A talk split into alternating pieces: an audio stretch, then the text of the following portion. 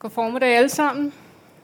Det er dejligt at se jer og jeres skønne, kønne, smilende ansigter. Lad os bede sammen. Tak for i himlen, at du er her. Tak for dit nærvær.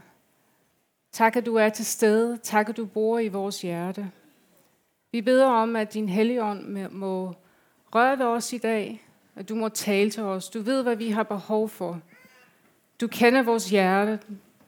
Du kender vores længsler, far. Vi beder om, at det, vi hører i dag, det må være dit ord. Tak, at det må gro i vores hjerte i dag. Tak, at øh, vi må høre fra dig i Jesu navn. Amen. Vi har et tema for tiden, der hedder sundhed og tidsånd. Hvem har sådan nogenlunde fuldt med i temaet de sidste uger? Jeg ved ikke, om I kan huske nogle af de emner, som er blevet berørt. Det har været sundhed i vores tankeliv, sundhed i vores økonomi, øh, sundhed i vores relationer, sundhed, åndelig sundhed, øh, sundhed i vores identitet. Og jeg har tænkt i dag omkring, øh, da jeg skulle forberede mig omkring, hvad kunne jeg tage fat på? Og jeg havde lyst til at tage noget, som var sådan, sådan lidt opbyggende. På den måde, øh, for eksempel øh, sundhed i vores kærlighedsliv, eller sundhed i vores, øh, øh, vores krop, eller et eller andet. Men det, der blev ved med at komme tilbage til mig, det var faktisk noget, som var en lille smule udfordrende. Fordi det, jeg gerne vil tale om i dag, det er faktisk lidelse. Livets lidelse. Og hvad er en sund respons til livets lidelse? Jeg kommer fra øh, England. Jeg har lidt en accent. Og min mand han blev ved med at sige, du skal ikke sige sund lidelse. Det er ikke det, du, det hedder. Det hedder lidelse. Så hvis det er, jeg udtaler det forkert, så ved I, hvad det er, jeg prøver at sige. Lidelse, når man tænker på det, så tænker man, åh oh, nej. Lidelse, trængsle, modgang, det er noget, vi alle sammen, hvis vi ikke har oplevet det, eller står midt i det lige nu, kan jeg næsten garantere, at I nok skal opleve det på et tidspunkt. Det er noget, vi alle sammen, vi kan ikke komme udenom det. Johannes 16:33 siger, i denne verden har I trængsler, men vær frimodig, jeg har overvundet verden. Så lidelse og smerte, det er noget, i denne verden, i denne tid, vi gør alt, hvad vi kan for at komme væk fra. Det er ikke noget, vi ligesom har lyst til at pleje og så nyde. Altså, vi medicinerer os ud af smerte. Vi læser selvhjælpsbøger for at ligesom øh, for at finde ud af, hvordan kan jeg være til i den her verden, hvor det nogle gange kan være lidt svært. Den ryster lidt, den her. Er det øringen?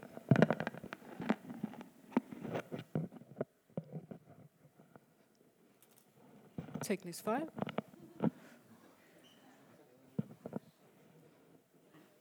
Må vi se, om det er bedre. Er det bedre? Ja.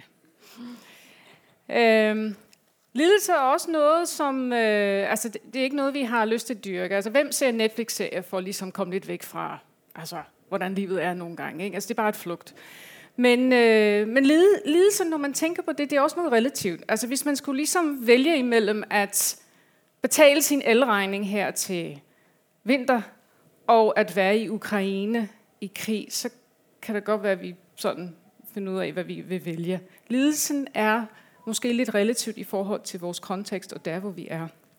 Vi kan ikke undgå lidelse. Vi kan ikke undgå modgang. Hvordan, hvordan så kan vi forholde os sundt til det? Øhm, vi taler rigtig meget i dag om det her med unges trivsel at unge har det svært, at unge kæmper.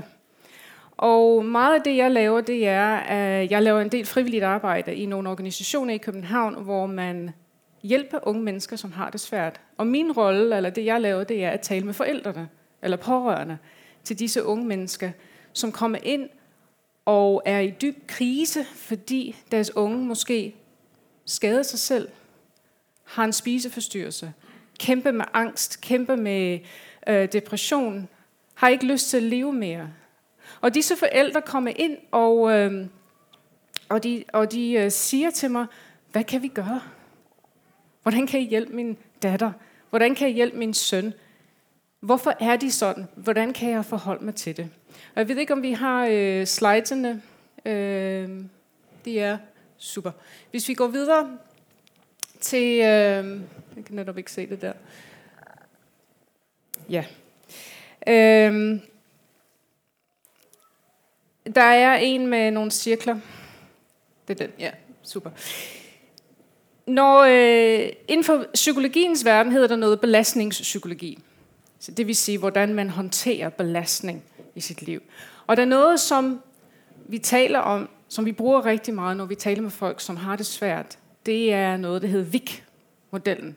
Den er faktisk øh, inspireret af Stephen Coveys syv gode vaner. Og det er noget, jeg ofte bruger, når jeg taler sammen med forældrene, fordi øh, når man er i en krisesituation, når man har det svært, så er det svært at egentlig at få overblik. Og så kan det være godt at, at hive sig selv op i helikopterperspektiv og kigge på, okay, den her situation, min datter skærer i sig selv, hvad gør jeg? Hvad er det for nogle vilkår, vi har? Hvad er det for noget, vi ikke kan lave om på? Og så går man ind og kigger på, hvad er det, jeg rent faktisk kan kontrollere? Og på den måde, så finder man ud af, hvad er det, jeg så rent har en indflydelse på. Øh, hvad er det, hvor er det, jeg rent faktisk kan gå ind og gøre noget? Hvad er det, der står i min magt? Og det hjælper nogle gange forældrene at ligesom finde ud af at acceptere, det her det er nogle vilkår, så jeg er nødt til at arbejde med. Jeg kan ikke gå ind og fjerne smerten. Jeg kan ikke gå ind og fikse barnet. Jeg kan ikke gå ind og, og gøre det helt godt igen, men jeg kan hjælpe dem at lige få overblik og finde ud af, hvad er min tilgang til den her situation, som jeg er nødt til at være i lige nu. Der, hvor det er sværest, det er vilkårene. Der er noget, jeg er nødt til at acceptere, som jeg ikke selv har bedt om. Og der, hvor det også er sværest, det er kontrol. Der er nogle ting, som er uden for min kontrol. For eksempel, jeg kan ikke kontrollere min datter. Jeg kan kun kontrollere mig selv. Når man har lidt sådan styr på de ting, så kan man bedre gå ind og kigge på, hvad er det, jeg rent faktisk har indflydelse på. Og øh, vi kan respondere, det er bare et eksempel på, hvordan vi kan respondere øh, på forskellige måder til, til lidelse i livet. Nogle gange kan vores respons være sundt og hensigtsmæssigt. For eksempel med det her. Nogle gange er det ikke.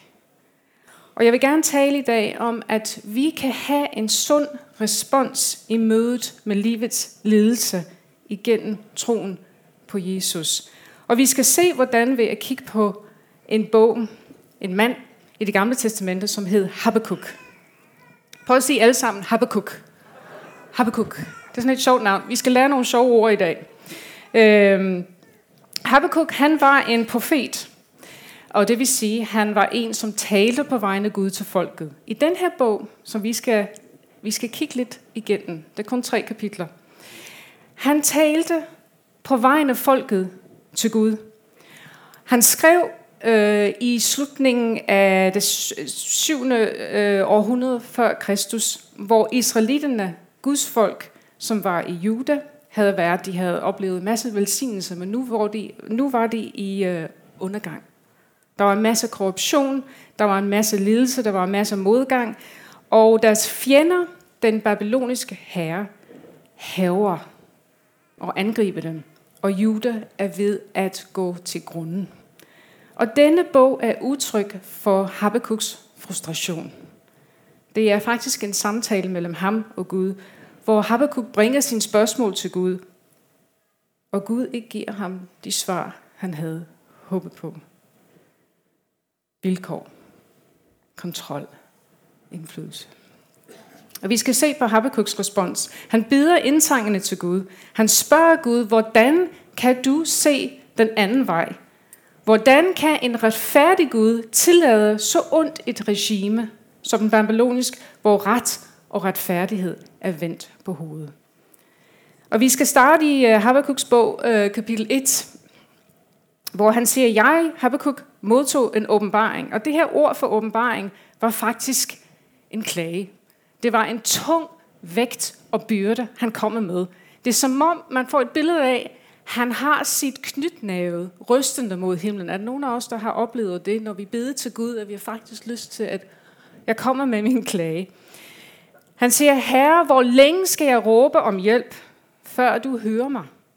Hvor længe skal vold og ondskab vare ved, før du griber ind? Hvorfor skal jeg se på alt den ondskab? Hvordan kan du holde ud at se et menneske lide? Ødelæggelse og vold er daglig kost. Alle steder er der konflikter og skænderier. Vi har en mand, som råber af Gud. Gud, hvad er det, der sker? Det er som om han siger, har du ikke set nyhederne? og jeg tror, at det er nogle af de samme spørgsmål, vi nogle gange kan stille Gud i dag i vores situation. Hvorfor? Hvorfor er du ikke retfærdig, Gud? Hvorfor sker det her? Jeg ved godt, du kan gøre noget, men det gør du ikke, og jeg forstår det ikke. Hvorfor heler du mig ikke? Hvorfor helbreder du ikke min, mit barn? Hvorfor skal jeg lide? Hvorfor skal jeg blive ved i noget, som virker så meningsløst? Navnet Habakkuk har to betydninger. Det har faktisk flere betydninger, men det, de to, jeg gerne vil fremhæve, det er på engelsk hedder det embrace, omfavne eller fagne, og wrestle, at kæmpe, at bryde. Min datter Eva, da hun var helt lille, hun havde øh, astmatisk bronkitis rigtig meget. Og det er noget med, hvor bronkierne trækker sig sammen, og man kan ikke få luft. Og vi var, helt, altså, vi var ofte på hospitalet sammen med hende, hvor hun skulle ind, og hun skulle få sådan en maske på. Jeg kan ikke huske, hvad det hedder. Sådan en nebulizer, hvor man får noget. Øh, hun kunne trække vejret, så hun, altså bronkierne åbner sig. Eva, hun havde at komme ind på hospitalet og få hjælp til sine lunger.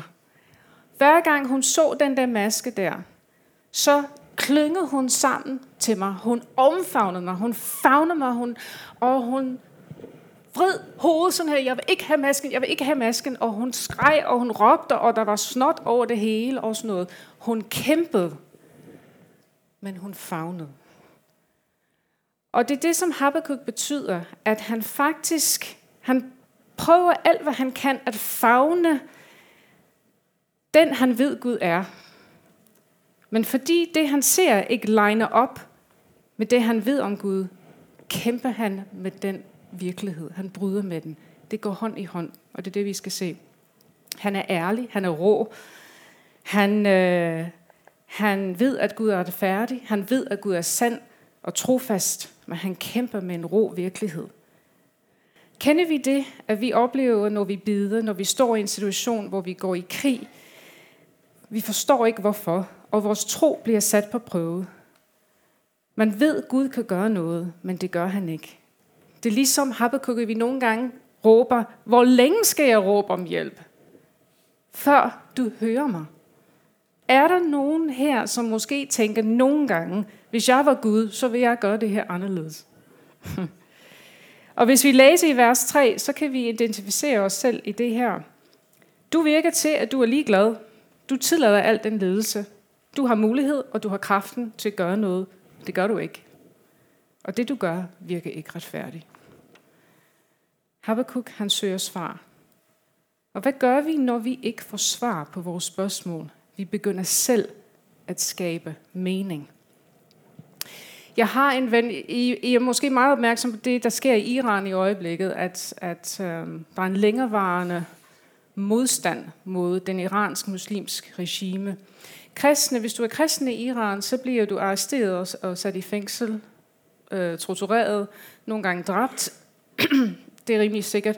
Øh, jeg har en ven øh, fra Iran, som hed Farshid, som øh, på grund af hans tro på Jesus var, det er sådan, han udtrykker det selv, 1820 dage i fængsel. For 251 dage, det var i en isolationscelle. Og da jeg spurgte ham, hvor, hvor stor var isolationscellen, så siger han, jamen den var 3,5 gang den ene vej, og 3,5 gang den anden vej. Og 3,5 gang den ene vej, og 3,5 gang den anden vej. Og øh, lyset var tændt konstant. Der er en meget skarp lys heroppe, og det var lidt sådan her, han, øh, han oplevede, da han skulle sove, at der var bare lys i hovedet konstant. Og, og jeg lavede et interview med ham, hvor jeg spurgte ham, hvordan, altså, hvordan kunne I holde det ud? Hvordan kunne I, kunne I være i den situation? med de vilkår, I nu havde. Så sagde han, der er to ting, der gør, der er to ting, der gjorde, at man kunne holde ud at være der. Det var, at for, for det første, man vidste, hvor længe man skulle være der. Og for det andet, man vidste, hvorfor man var der. Og det var ikke alle, der vidste, hvorfor de blev smidt i fængsel. Og hvis de ikke vidste det, så skabte de selv en grund. Om det var, fordi jeg slog min kone. Eller det var, fordi jeg øh, sagde noget forkert til en politimand. Eller hvad det nu kan være. Man selv skabte en grund. Hvad gør vi, når vi ikke forstår, når vi ikke får svar? Vi begynder selv at skabe mening. Og Habakkuk begynder selv at skabe sin mening. Han skaber sin egen narrativ omkring, hvad det er, der sker. Og spørgsmålene, de udvikler sig fra hvorfor og hvor længe til at blive personligt. Er du ligeglad? Er du retfærdig? Betyder retfærdighed noget for dig, Gud? Er du der i hovedet? Hører du mig overhovedet? Og vi ser en ærlig tvivl og en ærlig undren. Habakkuk giver udtryk for en rå, uforbeholden undren. Han brokker sig. Ikke så meget han piv, men han brokker sig med en ærlig søgen efter det, der er ret. Den første respons, jeg gerne vil tale om i, i, i mødet med livets lidelse, af ærlighed. Vi kan være ærlige over for Gud. Vi kan spørge os selv, hm, er det okay? Er det forkert? Er det ikke lidt uheldigt at, uh, at tvivle på Gud og være ærlig? Og, hmm. Men kig på salmerne. En tredje del af salmerne er et råb om smerte, prøvelse, man ikke forstår. Salme 56 siger, du ved, hvor urolig jeg er. Du har talt mine tårer og gemt dem.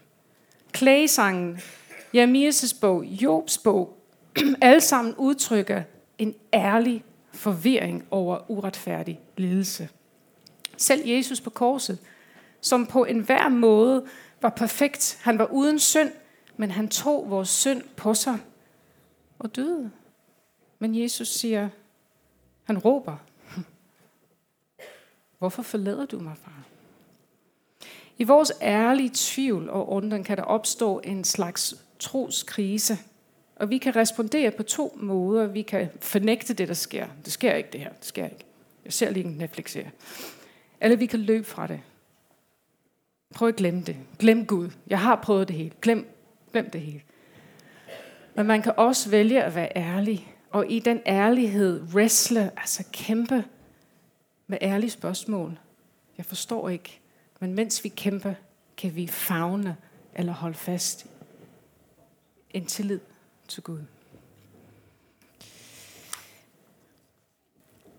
I øh, de første fire vers her, hvis vi går tilbage til dem, han siger, prøv at se disse onde mennesker, som vinder frem, og du sidder bare i himlen, og du gør ikke noget. Hvad er Guds respons? Vers 5. Herren svarede mig. Det var hurtigt. Det var da dejligt. I bør lukke øjnene og se på folkeslagene. I vil blive forbavset og stumme og undren. Han siger i retning noget af, det ser, det ser ud til, at jeg ikke laver noget, men jeg har en plan. Jeg gør noget, og I vil ikke tro på det. Nu skal du høre, at man kan sådan fornemme, at Habakkuk kan sige, ja, så er der svar.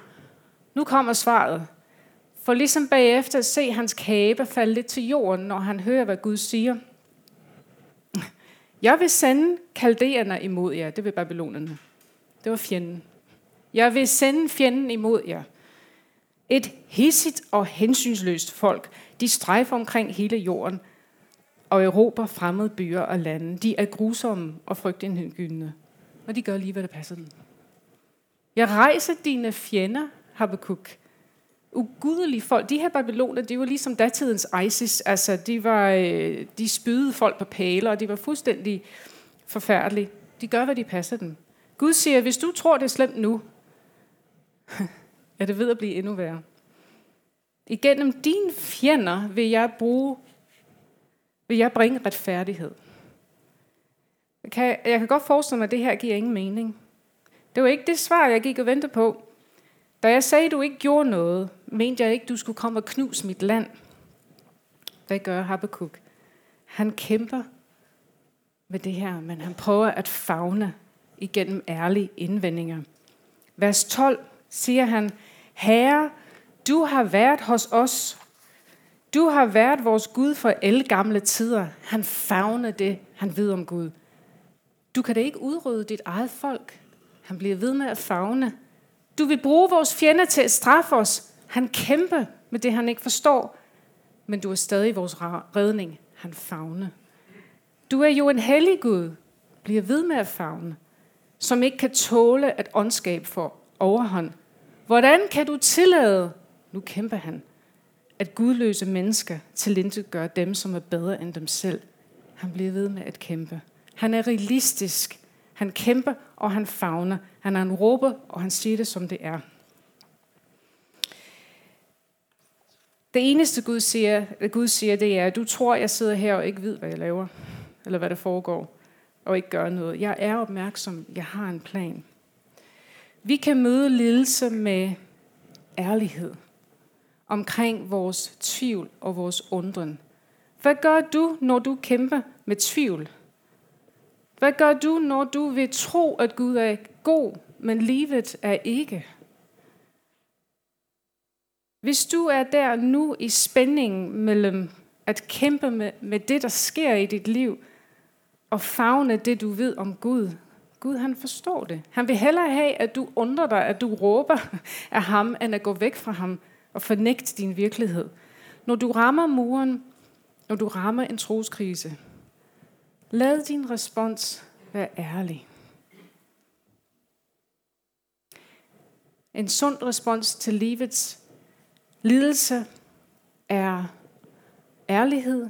Det er også tålmodighed. Jeg har nogle meget enkle punkter i dag. Det er meget nemt at huske. Tålmodighed at vente. Habakkuk han venter på Guds svar, at det han siger kommer til at ske. Men det er som om han tænker, okay, det, det her, det kan ikke være rigtigt. Så siger han i kapitel 2, vers 1, jeg vil spejde efter et ord fra Herren. Jeg vil gå op på bymuren og holde udkig. Det er som om han tænker, jeg vil gå op og stå på min post på vagt og spejde for at se, hvad du vil sige til mig. Et udkigt eller et tårn, det var et sted, hvor man øh, gik op for at se, hvem der var, der kom nærmere. Det kunne være venner, det kunne være fjender, det kunne være folk, der angreb, det kunne være rejsende. Men det var også en måde at ligesom komme op og få perspektiv. Jeg vil positionere mig selv det bedste sted for at høre, hvad Gud vil sige. Jeg sidder ikke ned, før jeg hører dit svar. Habakkuk, han vælger ærlighed, men han vælger også tålmodighed. Han venter for at få perspektiv. Jeg ved ikke, hvordan, han, hvordan I har det. Altså, hvis man går hen til nogen og stiller et masse spørgsmål og siger, hey, øhm, jeg har det her problem, hvad, hvad, hvad tænker du om det? Og så bare gå væk igen. Så hør, altså, det kan det godt være, I gør det. Det ved jeg ikke med jeres ægtefælde. Hvorfor har du ikke ryddet op? Synes du, det er fair, at jeg skal tage opvasken, og så lader den bare ligge der, og så går igen. Ikke? Altså det, men normalt, når man stiller en masse spørgsmål, så, så venter man for at få svar. Habakkuk, han, han øh, skabte plads, stillede sig et sted, hvor han kunne høre fra Gud. Han ventede på svar og perspektiv på det, han havde svært at tro på. Paulus, han gør det samme. I Romerne 8, han taler om sin ledelse, og så siger han noget rigtig irriterende, synes jeg selv. De ledelse, vi skal igennem her og nu, regner jeg ikke for noget i sammenligning med den herlighed, som vi skal opleve en gang. Og, og når han siger regne, altså på græs betyder det faktisk at lægge sammen. Jeg har en del ledelse, som jeg lægger sammen, og de ser mange ud og store ud, indtil jeg sammenligner dem med den herlighed, som vil blive åbenbaret. Han får perspektiv. Paulus går så at sige op på bymuren og kigger på sin lidelse igennem Guds øjne, og han får perspektivet. Når vi står i noget, som gør ondt, har man som regel ikke lyst til at bare blive og lytte og høre, Man har lyst til at fortælle Gud, hvad vi synes, han skal gøre. Kan du ikke helbrede den person? Kan du ikke redde den relation? Kan du ikke give mig det job? Kan du ikke give mig det ægtefælde, eller hvad det kan være? Og det er ikke altid Gud, han svarer det, vi gerne vil høre. Er nogen, der har prøvet det? øhm, Paulus, når han taler om sin ledelse, øh, så så tænker man faktisk, hvis der var nogen, der fortjente, at Gud gjorde det, han bad om, så var det Paulus. Altså, han, han, han sagde, at han havde en troen i, i siden. Det vil sige, det var et udtryk for øh, nogle ting, som plagede ham. Man ved ikke helt, hvad det var, om det var sygdom eller, eller hvad det var. Men han tryllede Gud om at fjerne den her plage, som modgang han oplevede. Han kæmpede med det. Og Gud svarer, nej, min nåde er der nok. Han sagde ikke det, Paulus gerne vil høre. Hvis jeg var Paulus, så ville jeg give lidt modstand og sige, jeg vil ikke have din nåde, tak. Jeg vil gerne have din heling, helbredelse, kraft, magt, mod, kontrol. Jeg kan godt forestille mig, at han måske tænkte, okay, prøv ham der, øh, Simon Peter, han har behov for din nåde. Altså, det var ham, der fornægtede dig tre gange. Giv ham din nåde, men giv mig din kraft. Eller Thomas, som tvivlede på dig, som sagde, jeg vil ikke tro, før jeg ser din øh, øh, ar. Giv ham din nåde. Jeg vil have din kraft. Det er mig, der fortjente. Husk, hvad jeg har gjort for dig. Jeg har fået pisk der, så Paulus der siger det. Jeg er blevet stenet, jeg er lidt skibbrud, jeg har arbejdet og slidt søvnløse nætter, lidt sult og tørst, manglet klæder. Altså, hvis der er nogen, som fortjener et svar, magt og kraft, så er det mig. Og Gud han siger, nej. Jeg vil give dig min nåde. Det du gerne vil, er ikke det, jeg vil give. Men det, jeg giver dig, er bedre, og det, du har behov for. Paulus kæmper, men han lytter. Og han fagner, og han skriver, jeg vil helst være stolt af min magtesløshed, under mishandlinger, under trængsler, under forfølgelser og vanskeligheder for Kristi skyld. For når jeg er magtesløs, han kæmper, så er jeg stærk. Han fagner. Måske er der nogen af os, der siger, Gud fjern den her tårn. Måske er det noget, du venter på, for dig selv eller for en anden. Måske beder du om Guds kraft, og han giver dig hans nåde. Er vi villige til at stå på vores post og lytte og spejde til, hvad er det Gud han siger, selvom hans svar ikke altid er det, vi har lyst til at høre. Så Guds far har Habakkuk, jeg har en plan, og det vil tage noget tid. Vent. Fjenden i Babylon skal nok få deres tur. Jeg skal nok tage mig af dem. Det kræver styrker at vente på noget, Gud har lovet os, men ikke har givet os en dato på. Vers 3, han siger, vent, min, min plan lader vente på sig. Han siger, når tiden er inde, vil det blive opfyldt. Vær tålmodig, når I synes, det trækker ud. Han kommer ikke for sent. Det her udtryk, når tiden er inde, det kommer fra det hebraisk moad. Jeg er ikke sikker på, om jeg siger det rigtigt. Jeg beklager, hvis der er nogen, der er helt styr på det. Moad, moad. Øhm, det betyder den perfekte, udvalgte, rigtig tid, når tiden er inde. Det er ligesom, når man skal føde. Altså, babyen har en moad. Den kommer bare. Når tiden er inde, så er det tid til, at babyen skal komme, og man kan ikke lave om på dens moad. Man kan ikke gøre noget for, at den kommer langsommere eller hurtigere. Den kommer, når tiden er inde. Nogle af os venter på et svar på retfærdighed, på helbredelse. Vi spejder efter et ord, vi holder udkig, men det vi venter på, det er Guds moad. Når tiden er inde, hvor Guds tid ikke altid er vores. Guds forsinkelse er ikke hans fornægtelse. Han kommer ikke for sent. At vente tålmodigt er at leve i tro i vers 4. Han siger, at den retskaffende får livet ved sin tro. Den retfærdige skal leve i tro. Gud siger dybest set, du skal ikke leve efter det, du ser. Du skal leve efter det, jeg siger.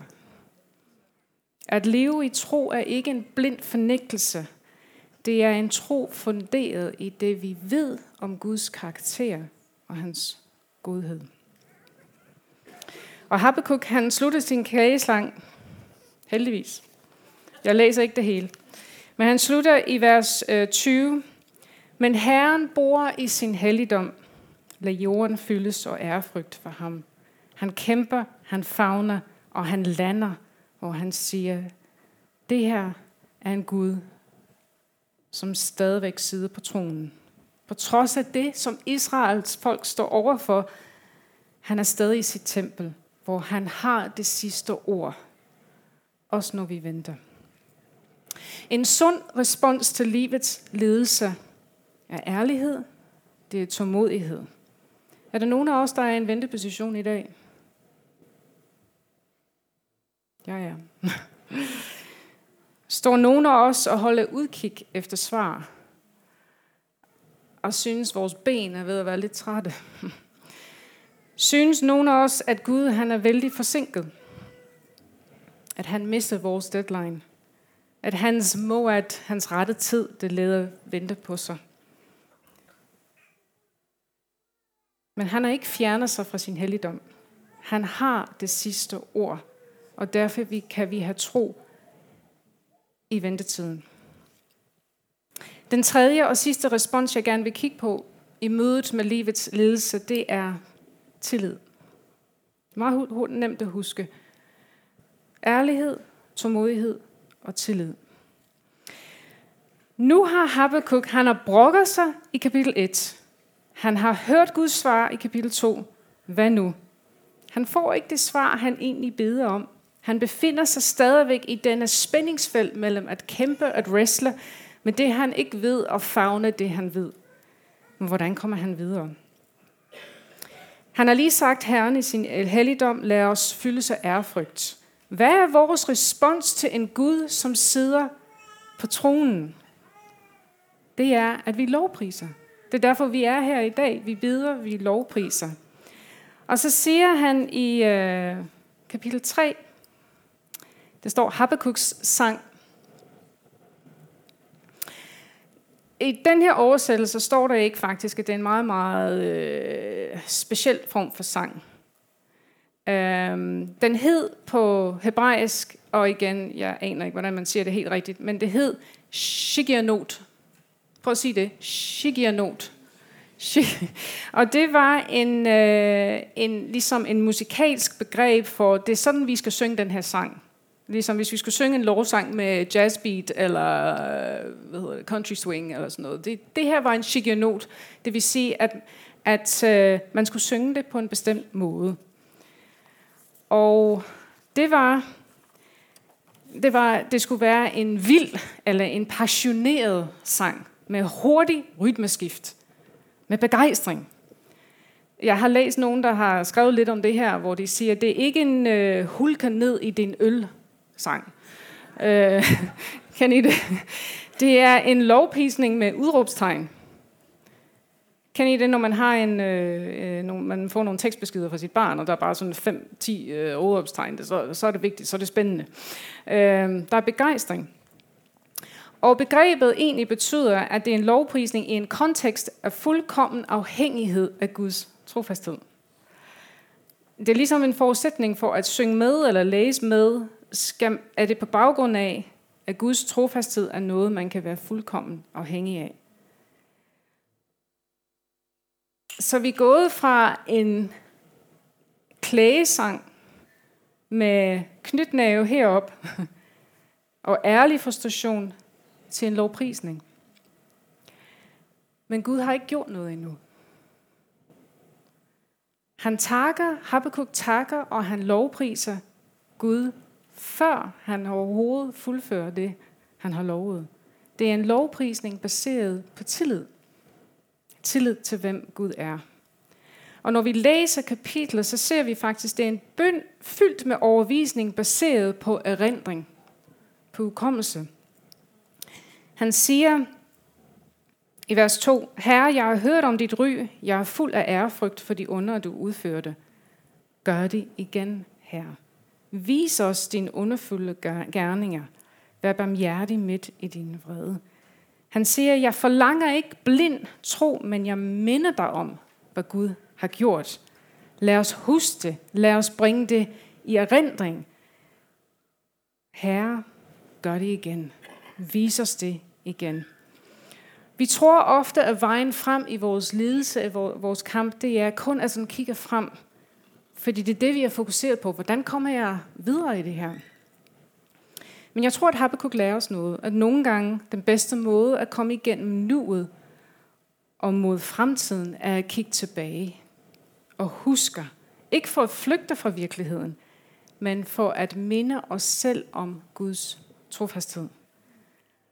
Og vi ser i, øh, hvordan han faktisk minder israelitterne om, hvad Gud har gjort. Kan I det nogle gange, når, når man sidder ved bordet, og, og man taler om minder og sådan noget, og ens barn siger, kan I huske den ferie i Tenerife, hvor vi gjorde sådan noget, hvor man tænker Tenerife og hotel og strand og alt muligt. Der kommer en masse minder frem, og det er det, Habakkuk gør. Han siger i vers 3, den hellige Gud drog op fra parens bjerg. Han førte sit folk gennem temaerne i dem. Han genfortæller faktisk resten af kapitlet Israels historie. Hvordan i Tarman og i Paran, hvor Gud førte sit folk efter at have udfriet dem fra fangenskab i Ægypten. Hvordan Gud var trofast, hvordan Gud ødelagde deres fjender. Og han siger, jeg ved, du kan gøre det igen. Det er erindring. Påmindelsen skaber tillid. Og øh, jeg læser ikke resten af, af teksten, men han, det faktisk, han fortsætter med den her fortælling om Guds retfærdighed og trofasthed i fortiden, som var grundlaget for tillid i nutiden. Og han siger, gør det igen her. Lad os se det. Lad os forstå det. Fordi Habakkuk forstår, at han er midt i den historie, som Gud skrev blandt Israels folk, midt i de paksløfte, som han havde givet dem. De levede faktisk mellem den paksløfte, Gud gav Abraham, og den pagt opfyldelse, som skulle komme igennem Kristus. De var en del af en historie, og vi er også en del af den historie, som Gud han skriver. Vi kigger tilbage på den frelse, som vi har fået igennem Jesu død og Jesu liv og død og opstandelse, og kigger frem på, at Jesus skal komme igen. Men Gud skriver også din historie ind i dit liv om mit liv. Og den er ikke uden lidelse eller kampe. Og vi kan kæmpe for at komme videre, men vi har behov for nogle gange at kigge tilbage. Hvor har Gud vist sin trofasthed i dit liv? Hvor kan jeg sige, jeg har hørt om dit ry, gør det igen her? Det er en respons af tillid, hvor vi vælger at se på vores lidelse igennem Guds karakter, i stedet for at se Guds karakter igennem vores lidelse. Habakkuk slutter af med at vælge tilliden. Han siger selv, vers 17, selv om fintræet ikke blomstrer, Vinstokken står uden frugt, og olivenhøsten slår fejl, markerne ligger øde hen, forerne er forsvundet fra folden, og stallen er tom. Okay. altså, det er ikke bare elregninger, det her. Det er en tid med død og hungersnød. Altså, det, det kunne næsten ikke blive værre. Selv om vi har den her totalt katastrofisk virkelighed, hvad er hans respons? Så vil jeg alligevel glæde mig i Herren og fryde mig over min Gud og frelser. For den almægtige, almægtige gør mig stærk. Han gør min skridt sikre som gazellens og giver mig fodfæste på bjergene. Habakkuk han stillede spørgsmålstegn i ærlighed og tålmodighed. Og nu beslutter han sig at have tillid til ham, som kan give ham fodfæste. Selvom så er jeg, så vil jeg alligevel. Selvom jeg kæmper med sygdom, selvom mit barn har det skidt, selvom denne relation er i hårdknude, så vil jeg lovpris Herren. Han kæmper, og han fagner. Det er en lovprisning før svaret. Lovprisning ikke for svaret, men for personen bag svaret. Hvad er vores respons til ledelse i vores eget liv? Jeg tror, en sund respons, det er at erkende behovet for både at kæmpe og at fagne. Kæmpe med det, vi ikke forstår, men fagne, med det, fagne det, vi ved om Gud. At være ærlig og spørgende, men også tro. At tro på Guds retfærdighed midt i uretfærdigheden. At opleve glæde, mens man lider. At kende Guds nærvær midt i den smerte, vi står i. At håbe, når livet føles håbløst.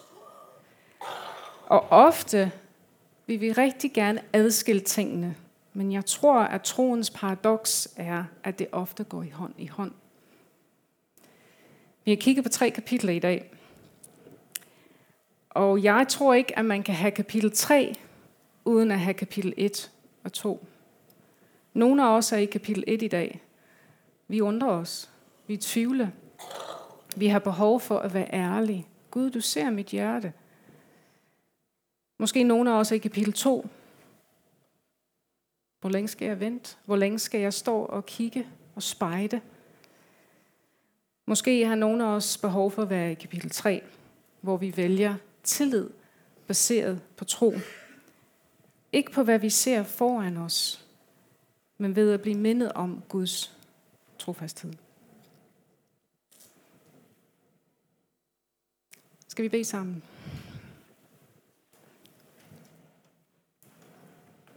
Hmm. Ja.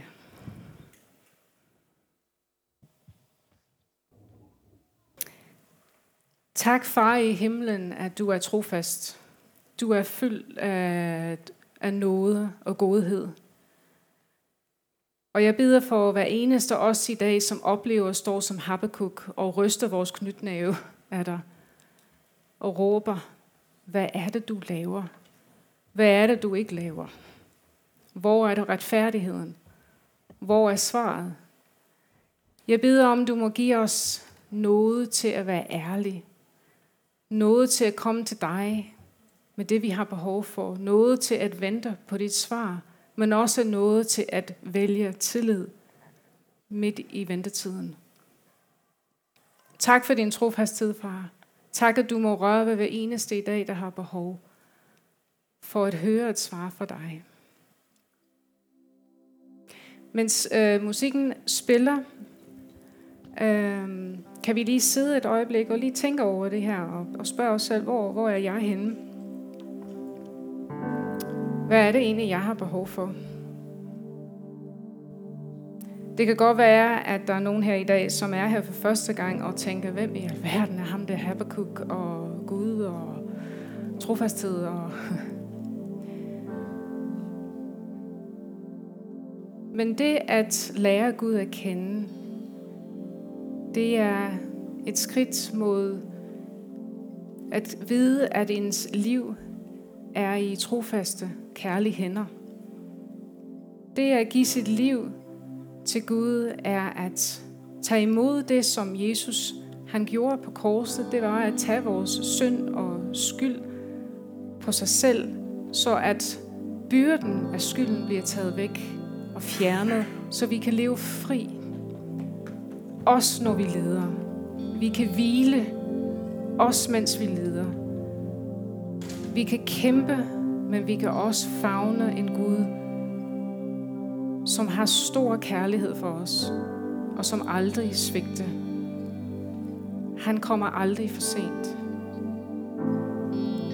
Så hvis der er nogen her i dag, som har lyst til at sige, jeg vil gerne lære mere om den Gud. Eller hvis der er nogen i dag, som har behov for noget forbøn, nogen der beder sammen med dig, så vil det være nogen herover, som vil bede sammen med dig. Og det er bare at stå sammen med dig, og hvor man kan bede sammen. Hvad er det, jeg har behov for? Det er man velkommen til. Vi skal slutte af med at, øh, at synge sammen